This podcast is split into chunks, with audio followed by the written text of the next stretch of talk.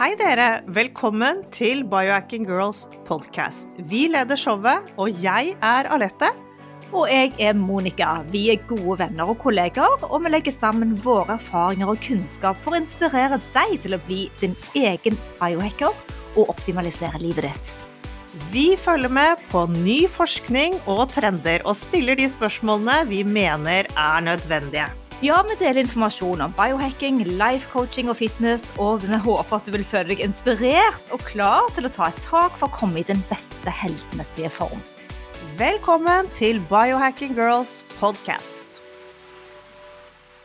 I dag har vi ja, jeg tror Sveriges største biohacker på besøk. En som vi har fulgt lenge og er veldig inspirert av. Hennes nerdetehet i gåsetegn. Hvordan hun setter seg inn i absolutt alt, er kjempespennende. Og det er eh, blir en spennende samtale. Ja, vi har snakket med henne, og, og dere skal få høre snart. fordi at det som er med Martina, som hun heter, hun eh, bruker seg selv for å teste mange av de forsøkene. Hun er forsøkskanin på alt hun skriver om. Eh, på målinger hun gjør, og på mat hun spiser, og treningen. Så hun er sitt eget selvstudium. Hun er òg eh, doktorgradsstudent. Eh, og temaet i dag eh, som vi diskuterer, er da overvekt og fedme. Yes, for hun har skrevet et blogginnlegg om akkurat dette. Hvorfor er vi tjukke? Og det er et av de mest leste blogginnleggene hennes, så dette er jo virkelig noe som folk trenger å, å vite om. Så i dag så spør vi Martina spør og graver om alt dette når det kommer til fedme. På Instagram så heter hun eh, Next Level Biohacking, og det, den står vi inne for. Følg gjerne henne der. Vi skal legge inn alt av eh, detaljer etterpå. Hun heter Martina Johansson. Og hun er utdannet sivilingeniør fra Chalmers tekniske høgskole i Göteborg, med fokus på bioteknikk. Hun bor i Göteborg, og hun bor på en gård og har masse dyr. Og etter eksamen så jobbet hun som forskningsingeniør og Scientific Publications eh, Editor, Så innebærer å granske og korrekturlese vitenskapelige artikler før disse skal publiseres. Ja, og Martinas ekspertise er innen bioteknikk, eh, medisinsk teknikk, cellebiologi, biokjemi og nevrokjemi. Jeg blir helt starstruck bare av ordene. Hun er selvlært innen medisin, og hennes eh, egenstudier har ført henne til å nå holde på med en doktorgrad. Eh, forskning er faktisk det beste Martina vet. Ja, som vi sier, så er hun en ekte biohacker og har testet veldig mange ting. Og hun kommer akkurat nå fra en lengre, stille meditasjonsreise som hun òg skal dele litt eh, hvordan opplevelsen var rundt det. Og hun ble syk rett etterpå. Det, det, er en påkjenning å meditere på den måten hun gjorde. Hun har skrevet flere bøker, bl.a. Klar for keto, betennelsesfri, Farvel til betennelser og hormoner i balanse. Og det er jo særlig hormoner hun er superinteressert i, og det er det vi, skal snakke om også i forhold til dette med hvorfor vi er tykke i dag. Og Martina kommer til Biohacking Weekend 15. og 16. oktober, så dere kan bare glede dere, for hun kan veldig mye. Men vi skal gå rett inn i samtalen med Martina Johansson. Hei Martina, så hyggelig å ha deg som gjest i vår podkast. Dette har vi skikkelig gledet oss til. Ja, Vad roligt å høre. ja, ja eh, fordi du er jo, i våre øyne i hvert fall, eh, Sveriges største biohacker. Skikkelig forbilde for oss. Vi leser bloggen din og følger med på alt du driver med. Åh. Og det vi har Ja. Så ja, nå er det jo litt utpå formiddagen. Hvordan har eh, denne dagen vært for deg? Har du noen spesielle morgenrutiner du vil dele med oss og lytterne? Altså, just når det kommer til morgenrutin og sånt, så er det viktigste for meg min meditasjon. Eh, og nå kommer jeg precis fra et eh, meditationsläger så att jag, har, jag är väldigt motiverad til meditationen så att jag kör eh, åtminstone en timme på morgenen. Eh, men utöver det så, så är det väldigt mycket jobb.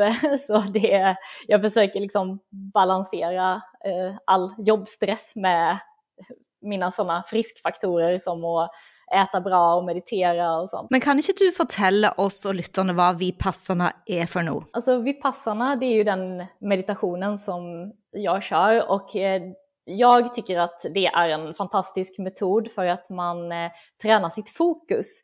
Och eh, man fokuserar då på kroppen så att den är väldigt liksom, fysisk, att man känner igenom kroppen med sitt, eh, med sitt medvetande kan man väl säga. Så att man, eh, man kan tänka, ja men hur vet jag att jag har axlar? Eller hur vet jag att jag har händer om jag, om jag blundar? Man har ju en slags förnimmelse av att man har en kropp. Och det är den förnimmelsen eller den känslan som man sitter och fokuserar på. Ehm, och resultatet av det då jämfört med andra typer av meditationer är att man eh, för det första får väldigt eh, bra fokus och för det andra så lär man känna sin kropp väldigt väl. Att man kan verkligen, man lär sig känna mer och mer hur kroppen faktiskt mår. Och det är väldigt viktigt tycker jag som, eh, som biohacker just att man vill, man vill kunna liksom checka in med sig själv. Mm. Men, eh, men alltså, hur föregår det då? Är det så att du går igenom din egen kropp i meditationen, en sån body scan, eller mm -hmm. är, det, är det poängen? Ja, mm, precis. Ja. Mm. Body scanning kan man ju säga också. Det är typ att bara att lära sig att känna så mycket som möjligt egentligen. Ja, ja. ja for det sånn bodyscan-meditasjon det har jag också gjort en god del. Jag jeg syns det är helt fantastiskt faktiskt. Jag skjønner hva det, det er akkurat som man vaknar i hela kroppen -hmm. av, å, av, att göra det. Men har du akkurat varit på denna Vipassana? Ja, jag kom precis från ett, ehm, ett Vipassana-läger för typ en vecka sedan. Eh, och då är det alltså 12 till 15 timmars meditation varje dag i, i tio dagar och även no, eh, ädel tystnad, noble silence, så att man får inte prata med de andra meditatörerna utan det är 100% fokus på sin egen meditation så att man går verkligen in i sig själv och eh, fokuserar på sitt undermedvetna och vad som händer inom en. Så, så det ägnade jag mig åt och det blev väldigt intensivt så att när jag kom tillbaka därifrån så blev jag sjuk. Så hela förra veckan så var jag hemma och var sjuk för jag var helt, helt slut liksom. Kroppen var helt, eh, helt kaputt. Är det svårt att gå in i den stillheten och den uh, tiden med meditation så länge? Det, det kräver ja. väldigt mycket. Och så tänker jag om du må minst vara borta tre, fyra, ja, fem, sju ja, dagar. Ja, absolut. Alltså det, det är väldigt krävande och det är ju märkligt nog är det faktiskt ganska många eh, som kommer till ett sånt här meditationsläge som aldrig har mediterat innan. Och det var samma för mig för typ vad blev det nu, eh, nio år sedan när jag var på mitt första meditationsläger. Det var också första gången och eh, det är verkligen ingenting jag rekommenderar utan det finns så mycket guider online och man kan kolla YouTube så att man behöver inte åka iväg och eh, tortera sig på det sättet utan man kan liksom lära sig hemma i lugn och ro och sen om man vill fördjupa då kan man åka. Och, och det, det, finns vid passarna retreat i, i Norge också vet jag i höjd med eh, ganska högt, typ vid Trondheim-området tror jag. Nettopp. Men du Martina Johansson, du er jo her hos oss på podkasten rett og slett ja. fordi vi er Instagram-venner, men du skal òg forelese ja. på Biohacking Weekend. Og du har skrevet mange bøker, uh, og som har lett å si vi digger deg. Uh, men du har òg, ja. du holder på med en doktorgrad. Kan ikke du fortelle litt om uh, din bakgrunn som biotekniker och alla de studierna? Du gör så mycket spännande. Alltså, oj, jag vet inte var jag ska börja, men, men som du som du sa där så jag håller på med min doktorsgrad då och det är ju inom medicin och min inriktning är inflammation eh, och metabol hälsa. Eh, är, det, är det betännelser man säger på norska? Ja, betännelser. Så ja. jag är väldigt intresserad av det just för att det är så himla många människor som lider av en kropp som inte funkar. Varför funkar den inte? Jo, för att de har massa inflammationer som man, in, man är inte sjuk. Det är inte så att man är liksom känner av att man är, åh, jag kan inte jobba, jag kan inte göra någonting för att jag är sjuk, utan det är mer det här att man inte funkar på topp. Man är liksom lite trött, eh, lite så här ofokuserad, hjärnan är lite dimmig Eh, magen är uppblåst, man kanske har migrän eller um, ångest eller deppig, alltså massa sådana här symptom eh, som man inte liksom kopplar ihop riktigt. Eh, men det kan, alla, alla de här kan vara tecken på inflammation och jag tror det är så många som känner igen sig i det. Så därför så forskar jag ju då på eh, just hela det här konceptet inflammation. Varför blir man inflammerad? Vad är det som går fel? Eh, har det med maten att göra? Har det med livsstilen att göra? Har det med eh, våra, ja, som rökning och alkohol och socker och allt det här liksom och hur det påverkar.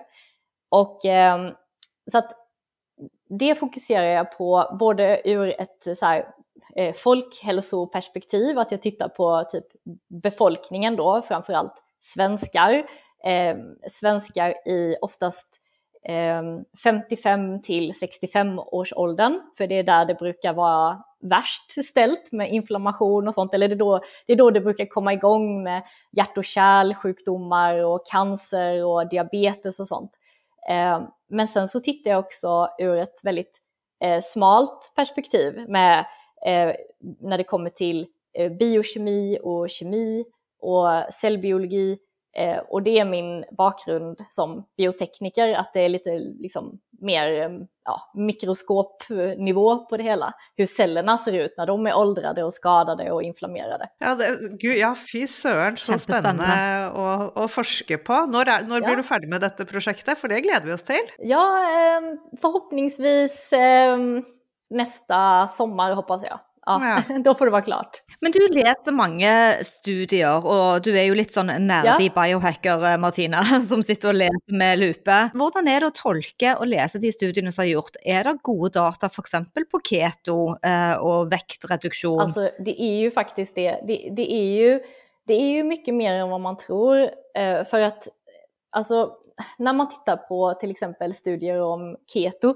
så ser man att det finns en väldigt stor andel forskare som inte har någon aning om vad keto är och som gärna vill smutskasta eh, ketogen kost och tycker liksom att nej, det är jättefarligt, eh, det är eh, massa fett och det är kött och det är liksom, det där ska vi inte hålla på med, alla ska vara vegetarianer. Och då, de kommer ju, om man är duktig på att läsa studier och förstår ketogen kost så kan man snabbt hitta de här studierna där man ser att de inte förstår vad de pratar om för att de eh, till exempel eh, eh matar råttor och möss med eh, olika konstiga vegetabiliska fetter och kanske så här, vassleprotein och så här, saker som inte vi, menu, eller saker som inte råttor och möss ska äta och som inte vi heller äter. Eh, så att sådana studier är liksom inte vettiga alls, utan när man vill hitta en bra studie på ketogen kost så vill man ju att de ska ha an, liksom, studerat människor och människor som äter bra och vettig mat, alltså riktiga livsmedel. Och hittar man de studierna så är de i princip alltid väldigt, väldigt positiva.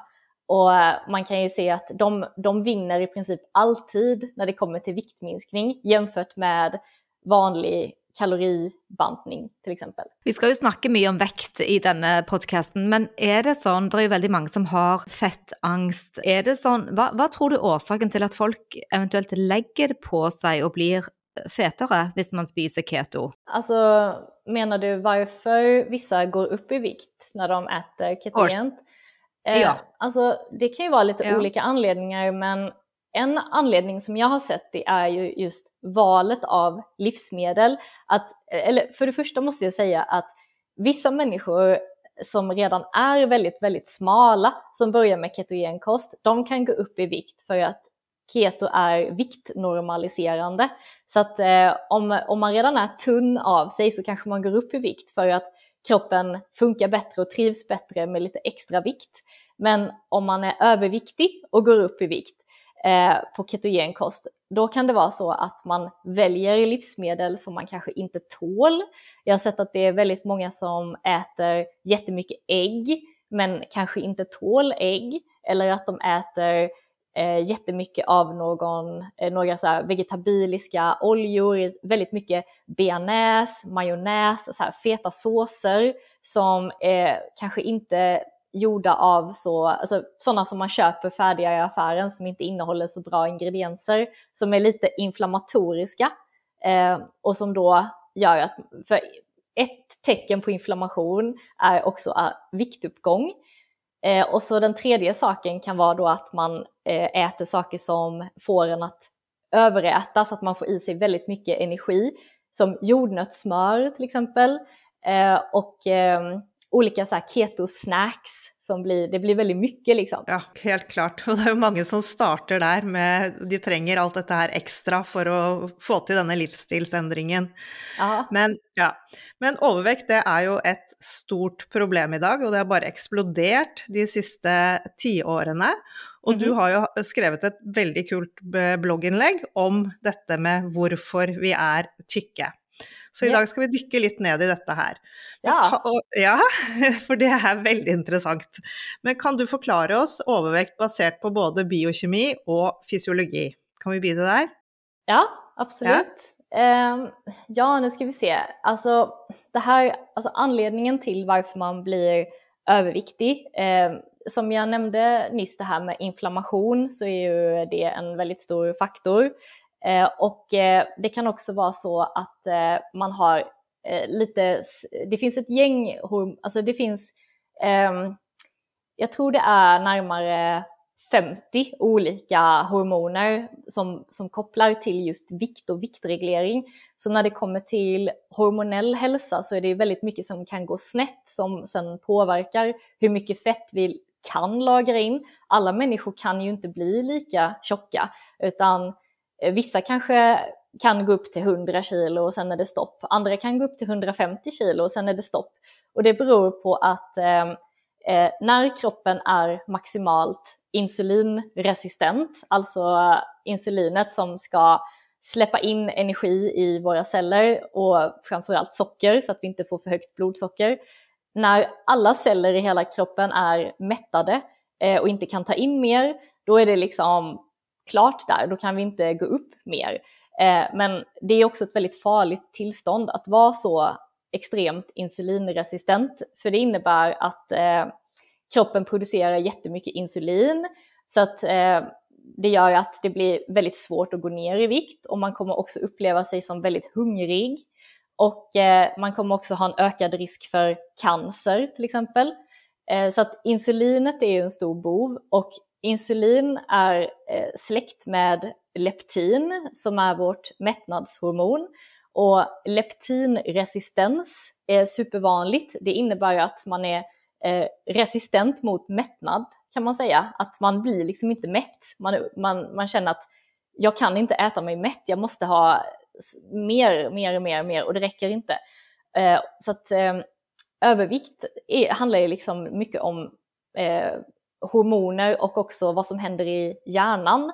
Eh, vissa kallar till exempel eh, fetma som beror på eh, överätning eller matberoende, sockerberoende, hetsätning för att det är en hjärnsjukdom. Så det är liksom hur, hur eh, sker signaleringen i hypofysen och hypotalamus och uppfattar hjärnan att vi har fått i oss tillräckligt med mat. Det är inte alltid som den, den regleringen kan vara dysfunktionell och då förstår liksom inte hjärnan att nej men det är nog nu, vi, har liksom, vi behöver inte mer energi. Eh, och sen det, ett tredje viktigt hormon är ju grelin som är vårt hungerhormon som också kan bli satt ur spel. Så att grelin, leptin och insulin är ju de tre viktigaste hormonerna som gör att vi kan känna att vi är hungriga hela tiden, vi blir inte mätta och kroppen kan inte sluta lagra in. Eh, Det finns inget stopp. Eh, Så att eh, ja, det är en, en stor anledning. Hvis man da legger på seg lett og kanskje har eh, resist, eh, em, grelin- og leptinutfordringer, da, hvordan kan man måle dette, og hva kan man biohacke eller gjøre da, med tilskudd Ja, eller alltså nu, vi nämnde ju keto innan och eh, jag är ju själv väldigt liksom ketofrälst och tycker om ketogenkost väldigt mycket. Och det gör jag också ur ett biokemiskt perspektiv, att det är väldigt effektivt för att normalisera väldigt många av de här hormonerna. Så alltså att dra ner på kolhydraterna och köra någon form av low carb, det kommer ju vara väldigt fördelaktigt för att få ner insulinet. Och får man väl ner insulinet, fasta är ju också väldigt bra för att få ner insulinet, då kan, då kan flera andra hormoner följa med. Eh, till exempel eh, ja, men grelinet kan eh, liksom plana ut och leptinet och sånt så att man inte känner de här starka hungerkänslorna på samma sätt och att kroppen inte behöver lagra in lika mycket för att man, man minskar liksom eh, utsöndringen av insulin. Men sen får man ju också komma ihåg att eh, könshormonerna är också väldigt viktiga när det kommer till hur mycket vikt man kan lägga på sig och var man lagrar in fettet någonstans. Som om man har väldigt mycket östrogen till exempel eh, och är östrogendominant som kvinna, då kan det också göra att man eh, har svårt att gå ner i vikt. Och även där så kan just att minska på sockerintaget och köra ganska strikt low carb vara väldigt eh, hormonbalanserande. Ehm, så att det är liksom, eh, jag vet att eh, jag kan vara ganska tjatig med min low carb och keto, men jag tycker att det, det är svårslaget alltså om man, om man har de här problemen. Det, är, det finns, eh, ja, jag, jag kommer inte på någonting som skulle vara mer effektivt. Kanske man kunde bara måla med en Dutch-test och få översikt på hormonerna sina för exempel? Ja, Dutch-testerna är väldigt bra. De är väl, det är väl urin tester där man använder för att få eh, fram flera olika, och där vad jag har sett så kan de väl också mäta just eh, lite leptin och sådana saker utöver könshormonerna. Eh, så, men de är dyra, men eh, ja, har man råd så absolut. Eller så är det ju då, hvis man är i perimenopause eller kommer i övergångsåldern så kan man då ta någon av de keto och de tipsen du ja. sa nu i stad. Uh, men dette med kalorier, det Anette, det lurer vi jo litt på. Vi er jo, ja, vi er jo oppvokst med at uh, kalorier inn og kalorier ut, det er sånn vi går ned i vekt. Vad är det som är fel med detta? Ja, alltså egentligen så kan man, alltså, jag skulle vilja säga att kalorier spelar ju ändå roll om man tänker på det liksom som om man äter väldigt mycket mer energi än vad man behöver så kommer man ju successivt att gå upp i vikt.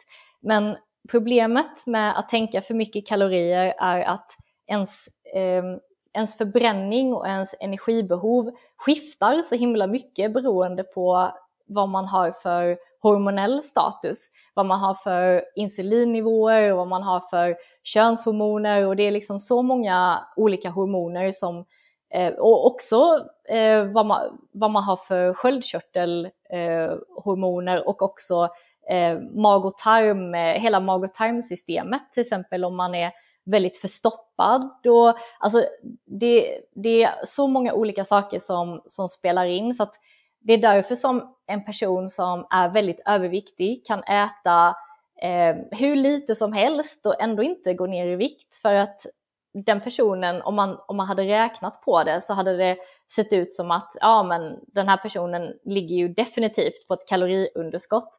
Men det kanske inte alls är så givet hormonerna. Så att eh, man måste, man får liksom, man blir mest förvirrad om man tänker för mycket på kalorier för att då blir det att man hakar upp sig på en siffra och, och ser liksom att ja men jag äter ju bara 1000 kalorier om dagen, varför går jag inte ner i vikt? Nu äter jag bara 800 kalorier, varför går jag inte ner i vikt?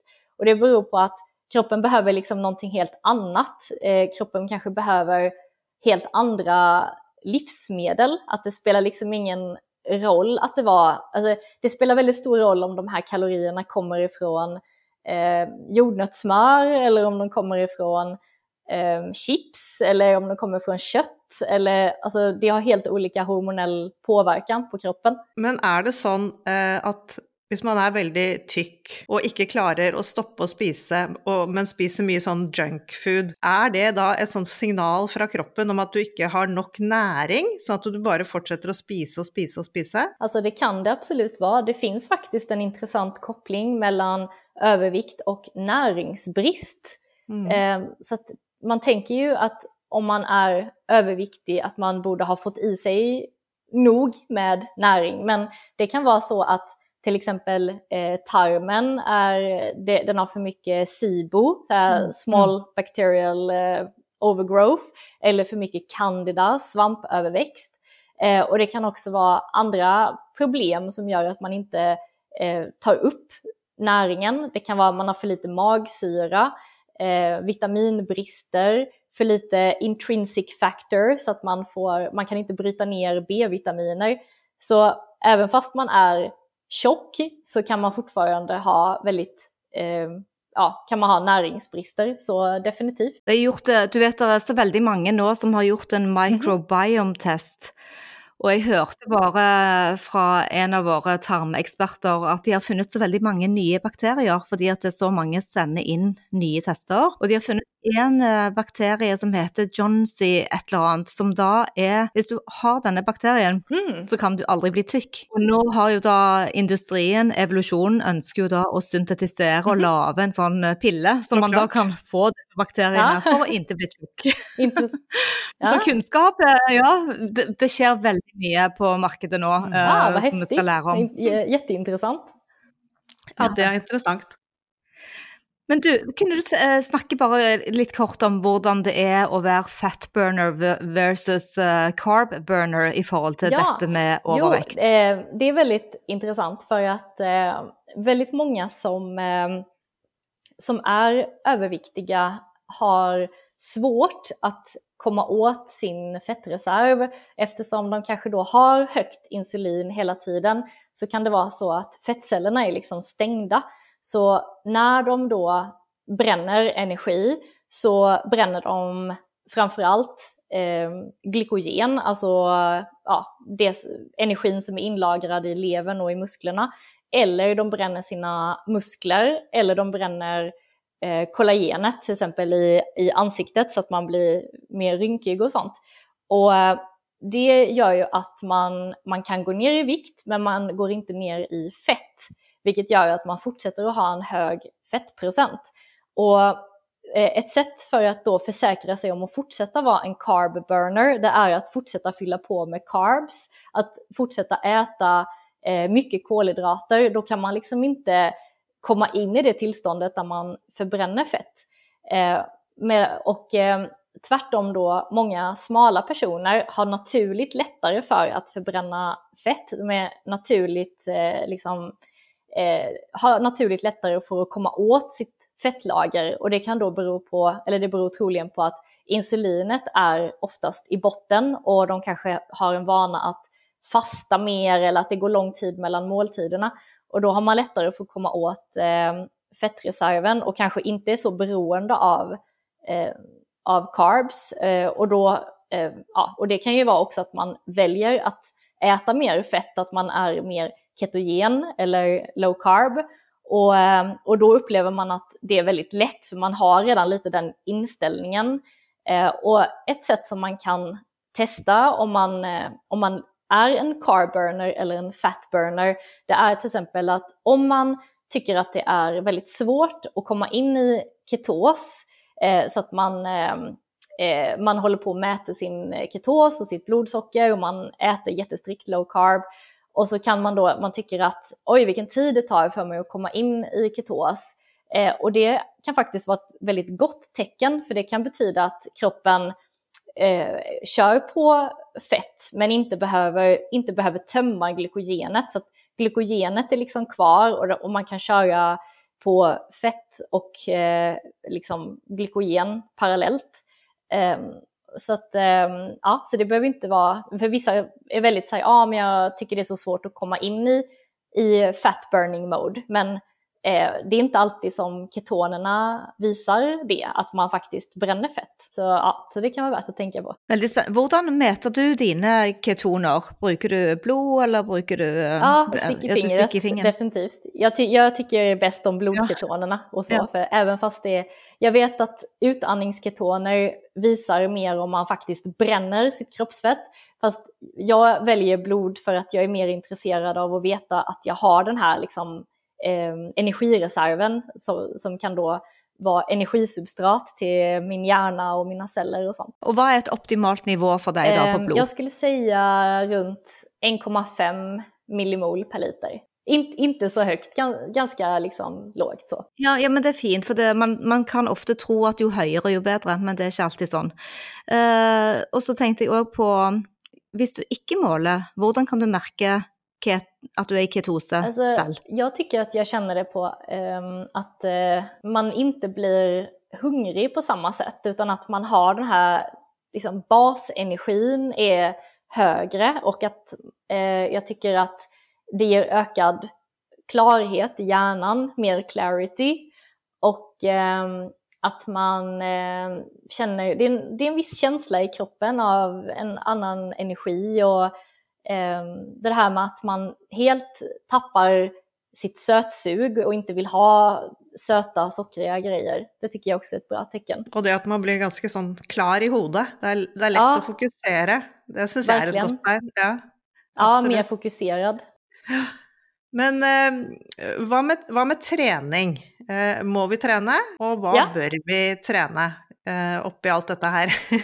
ja, jag är ju eh, väldigt inne på styrketräning för att jag tycker att det är viktigt att alltså, bygga upp kroppen. För om vi tänker att kroppen ska hålla länge så vill vi ju ha eh, eh ett starkt skelett och vi vill ju ha eh, muskler så att vi orkar liksom, gå och stå länge. Och, eh, har man mycket muskler på kroppen så är det också lättare att eh, bränna fett, man kan äta mer, Eh, det är lättare att vara metabolt frisk och eh, man lever längre om man har liksom en eh, högre andel muskler på kroppen. Så jag, jag är ju helt för styrketräning. Eh, men på senare, år så jag, på senare år så har jag också kommit in på eh, rörlighetsträning och eh, känt att det är väldigt viktigt att behålla sin rörlighet och inte bli stel. För stel är ju verkligen också ett sånt där ålders ålderstecken som man vill eh, liksom skjuta framför sig eller undvika så långt det går. Mm. Men när, när, du säger stel så menar du stiv, Helt klart, eh, inte sant Monica? Det är inte stöl? Ja, stiv i kroppen. Och, eh, sånn som Joseph Pilates, han, han snakker jo om at alderen ja. sitter i ryggraden, ja. in your spine. The ja. flexibility of the spine. Ja, helt klart. Hvordan, hvordan trener du? Hvor ofte, hvor mye? Eh, eller ja, hvor intensivt? Alltså, tyvärr har jag behövt jobba så mycket så att jag har fått eh, eh, pausa träningen ganska långa perioder men jag tänkte jag skulle komma, igen, komma igång igen med träningen och då är det oftast eh, fem, fem, sex dagar i veckan. Jag tycker jag behöver inte mycket vilodagar och sånt utan jag känner att jag vill vara igång eh, i princip varje dag. Eh, så att styrketräning, ja, fem, sex dagar i veckan tillsammans med rörlighetsträning och eh, gärna lite cardio på det också i form av inget hetsigt utan att jag kommer ut och går promenader och kanske tar någon löprunda här och där liksom bara så att, eh, ja, så att jag får igång flåset. Och sen har jag ju mitt eh, stora dansintresse också så att jag genom att jag försöker dansa minst en gång i veckan så, så får jag ju lite konditionsträning där också. Jättebra. Och det, det är nog med det där att bara hålla det igång, inte ha så mycket pauser. Det är lättare att få gjort ting när du har det bara sån som en del av, av eh, vardagen din. Men tillbaka till detta med att vi är så tjocka nu, eller många är väldigt tjocka. Är det genetik? Men vad skedde då med genetiken om vi plötsligt arver och blir tjocka? Ja, det kan man verkligen undra, men det finns ju eh, det finns ju den här epigenetiska faktorn av att eh, man liksom påverkar sin genetik medan man lever och eh, att man sen eh, att den genetiken sen kan gå i arv. Så om, eh, om till exempel ens eh, föräldrar blev tjocka under sin, eh, ja men ens, vi säger att ens föräldrar blev tjocka i 25-årsåldern och så, sen så eh, fick de barn i 30-35 årsåldern eh, och då har de den eh, övervikten som de skaffade, den har ju liksom påverkat eh, epigenetiskt och kan gå i arv så att de här barnen också kan ärva en tendens till övervikt.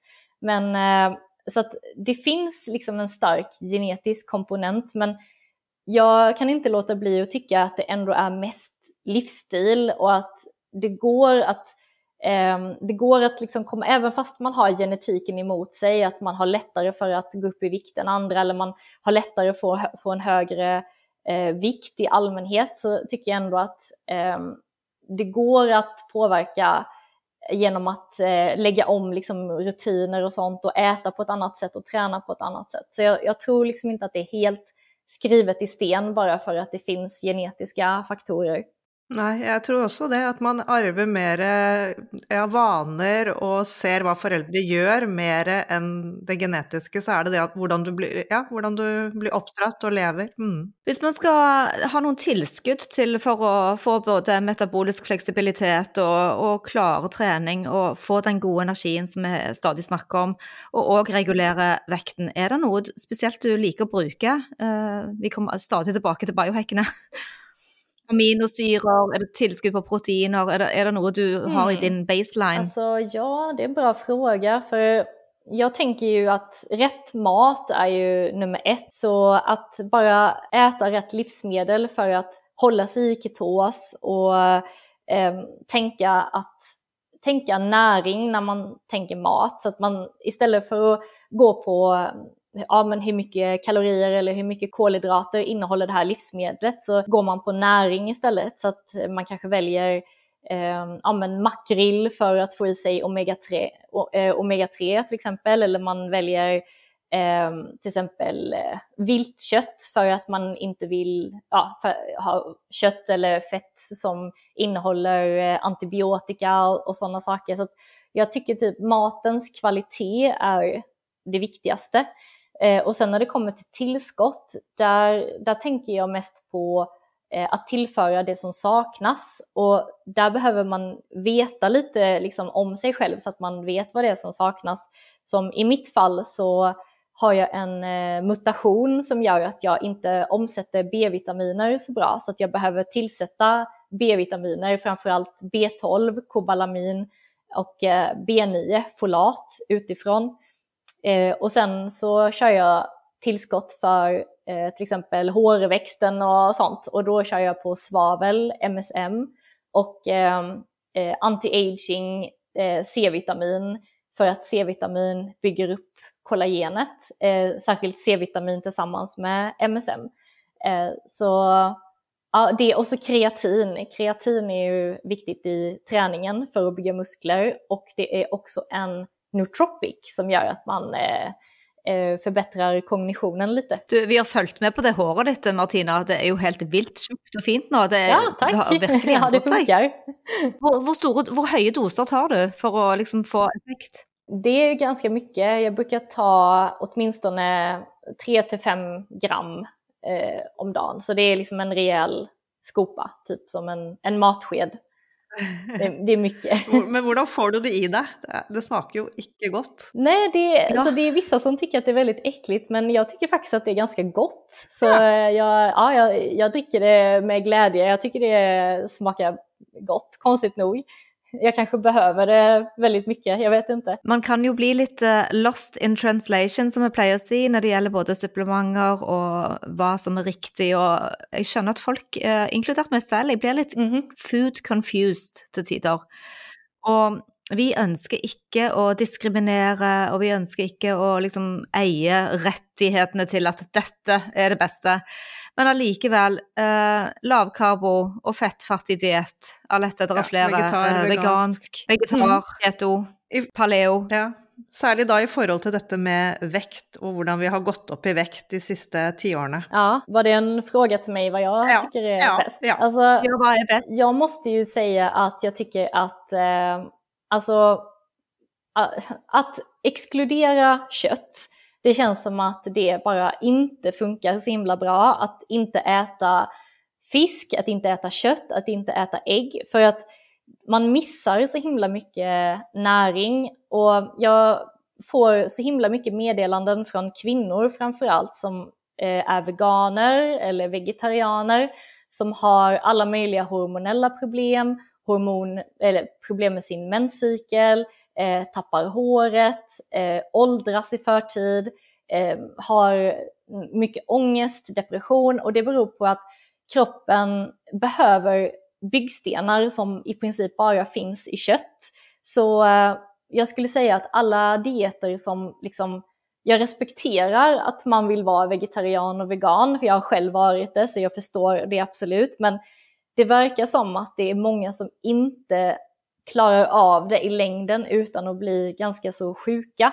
Och har man någon gång ätit veganskt och gått över till, eh, till exempel att äta mer kött, kanske äta low carb eller medelhavsdieten eller kanske till och med ketogent eller carnivore, så, så ser man liksom hur, eh, hur hälsan kan förbättras på bara några veckor. Att man känner sig starkare och friskare och eh, yngre till och med. Så att, eh, det gör liksom jättestor skillnad.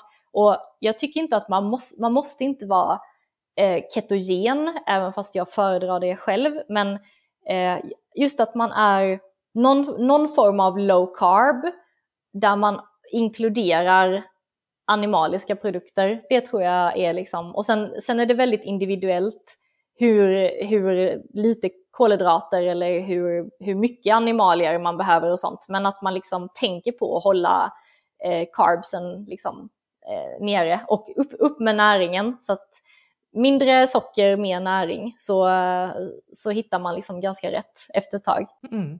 Men eh, du har också testat carnivore, har du inte det? Ja, Kan inte du berätta lite om erfarenheterna dina med det? För det syns vi är spännande. Ja, alltså jag, jag testade, eller jag började med carnivore 2018, så typ fyra år sedan. Och ehm, efter det så har jag haft perioder av carnivore, så att jag har liksom ja, gått lite in och ut och växlat mellan paleolitiskt och carnivore. Eh, så ganska så liberal low carb till superstrikt eh, ketogen carnivore. Och eh, vad jag, min första upplevelse var att jag lärde känna kroppen mer. Jag trodde att jag kände min kropp, men det gjorde jag inte för att jag, det visade sig att jag hade massa intoleranser som jag inte kände till. Eh, det visade sig att jag eh, var intolerant mot eh, avokado och ehm, choklad till exempel och typ oliver och det fanns massa saker som det visade sig att jag mådde otroligt mycket bättre utan. Och jag var också mycket mer intolerant mot mjölkprodukter än jag trodde. Så att jag fick trots att jag trodde att jag redan hade maximalt med fördelar för att jag hade varit keto så länge, så fick jag liksom ytterligare fördelar av carnivore. Eh, men sen så kan jag liksom inte upprätthålla carnivore-dieten hur länge som helst för att jag blir liksom, jag går ner för mycket i vikt och det blir för lite energi för mig så att jag, jag behöver växla lite fram och tillbaka. Men jag tycker att det är ett fantastiskt sätt att använda som eh, som uteslutningsdiet till exempel och som en reset också. Ja, Nettopp, som en elimineringsdiet. Mm.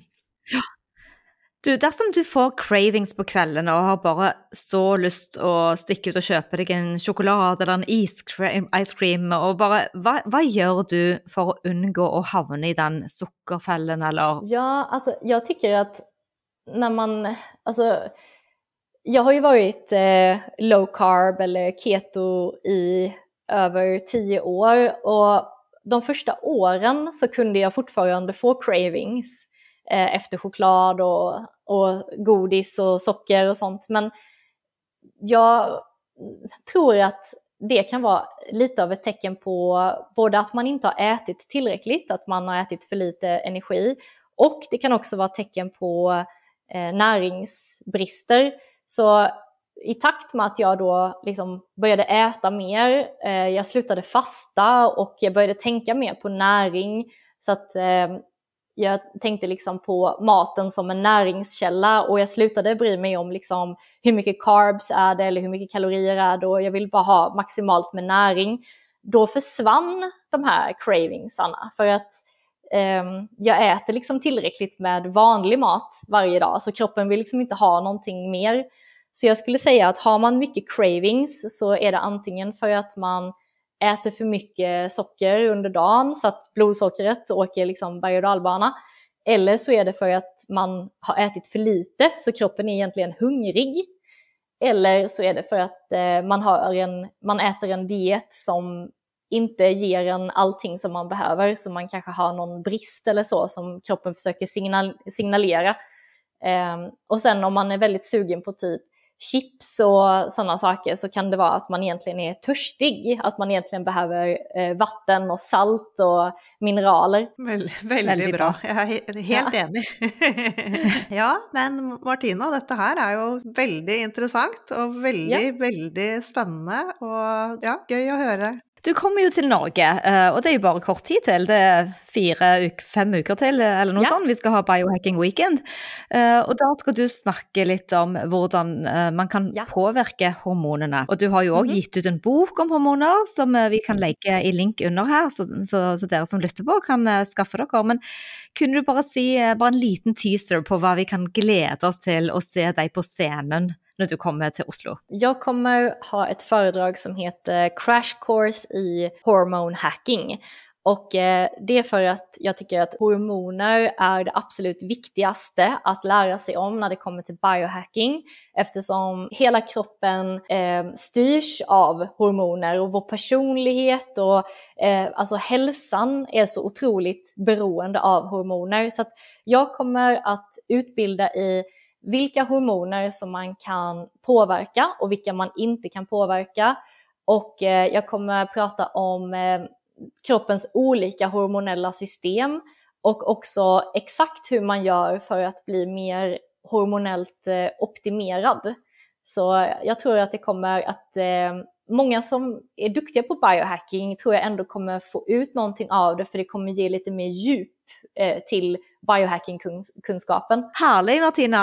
Tusen takk for at du tok deg tid eh, sammen med oss og, kunne snakke gjennom disse temaene som er så viktige for veldig mange. Ja, takk så, for at jeg fikk komme. Det var jättetrevligt. Så gleder vi oss til å se deg igjen i Oslo, og så må du ha en strålende uke videre. Ja, detsamma. Ja. OK, hei da. Hei da. Ja, hei, hei. Ha det.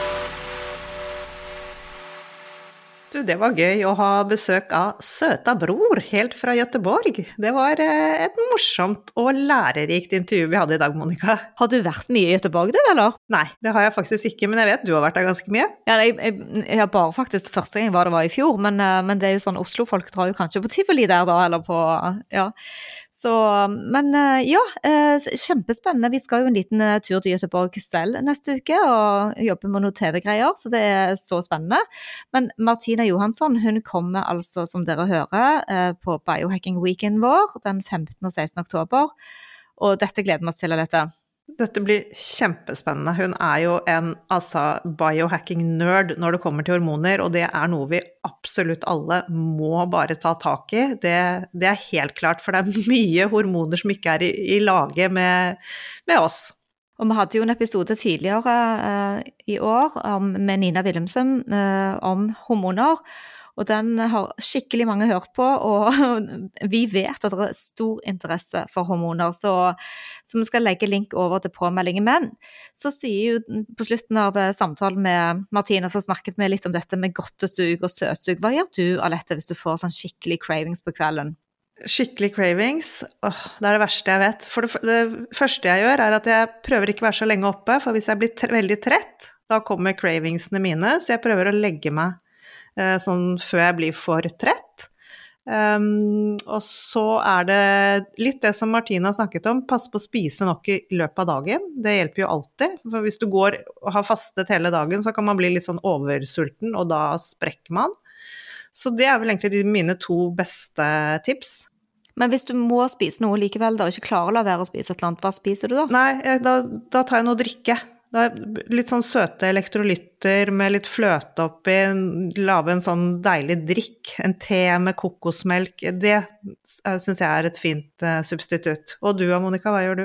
Jo, altså hvis jeg virkelig må kjenne at det, det er for lenge til eh, jeg skal spise neste dag, og at jeg bare må ha noe av det for kosens skyld, så kan jeg lage meg en ganske sånn digg smoothie-blanding med litt uh, mandelmelk, usøtet da, og helst fra, fra en kostholdsforretning.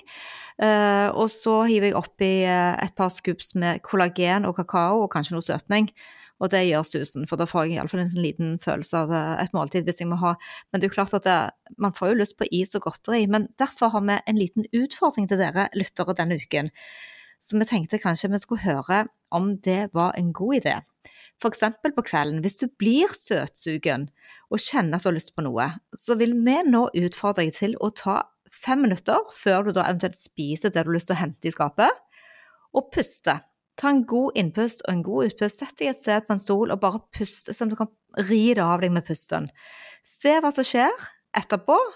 Og det kan hende at du fremdeles ikke har klart å ri det av deg, men du har iallfall gjort et lite forsøk, og du har blitt litt mer bevisst. Mm, det sies jo det, faktisk, at Eh, sånne cravings, hvis du, bare, hvis du, bare, klarer å gjøre noe annet i jeg tror, jeg tror ikke det er mer enn to minutter, eh, så, det, så, går det gjerne over. Ikke sant. Og som eh, Martina da sa i samtalen vår her òg, prøv å tenke på hva det du eventuelt vil putte i munnen, inneholder. Det kan hende allerede det er nok. Men iallfall, ta imot utfordringen, dere. Det skal iallfall vi gjøre. Og det skal jeg jo prøve på når jeg kjenner at uh, støtsuget kommer. Ikke sant, Alette? Det skal vi helt klart gjøre, og vi gleder oss til å høre hva, hvordan det går med dere også. Meld oss. OK, ha en nydelig uke, og happy, happy biohacking! biohacking.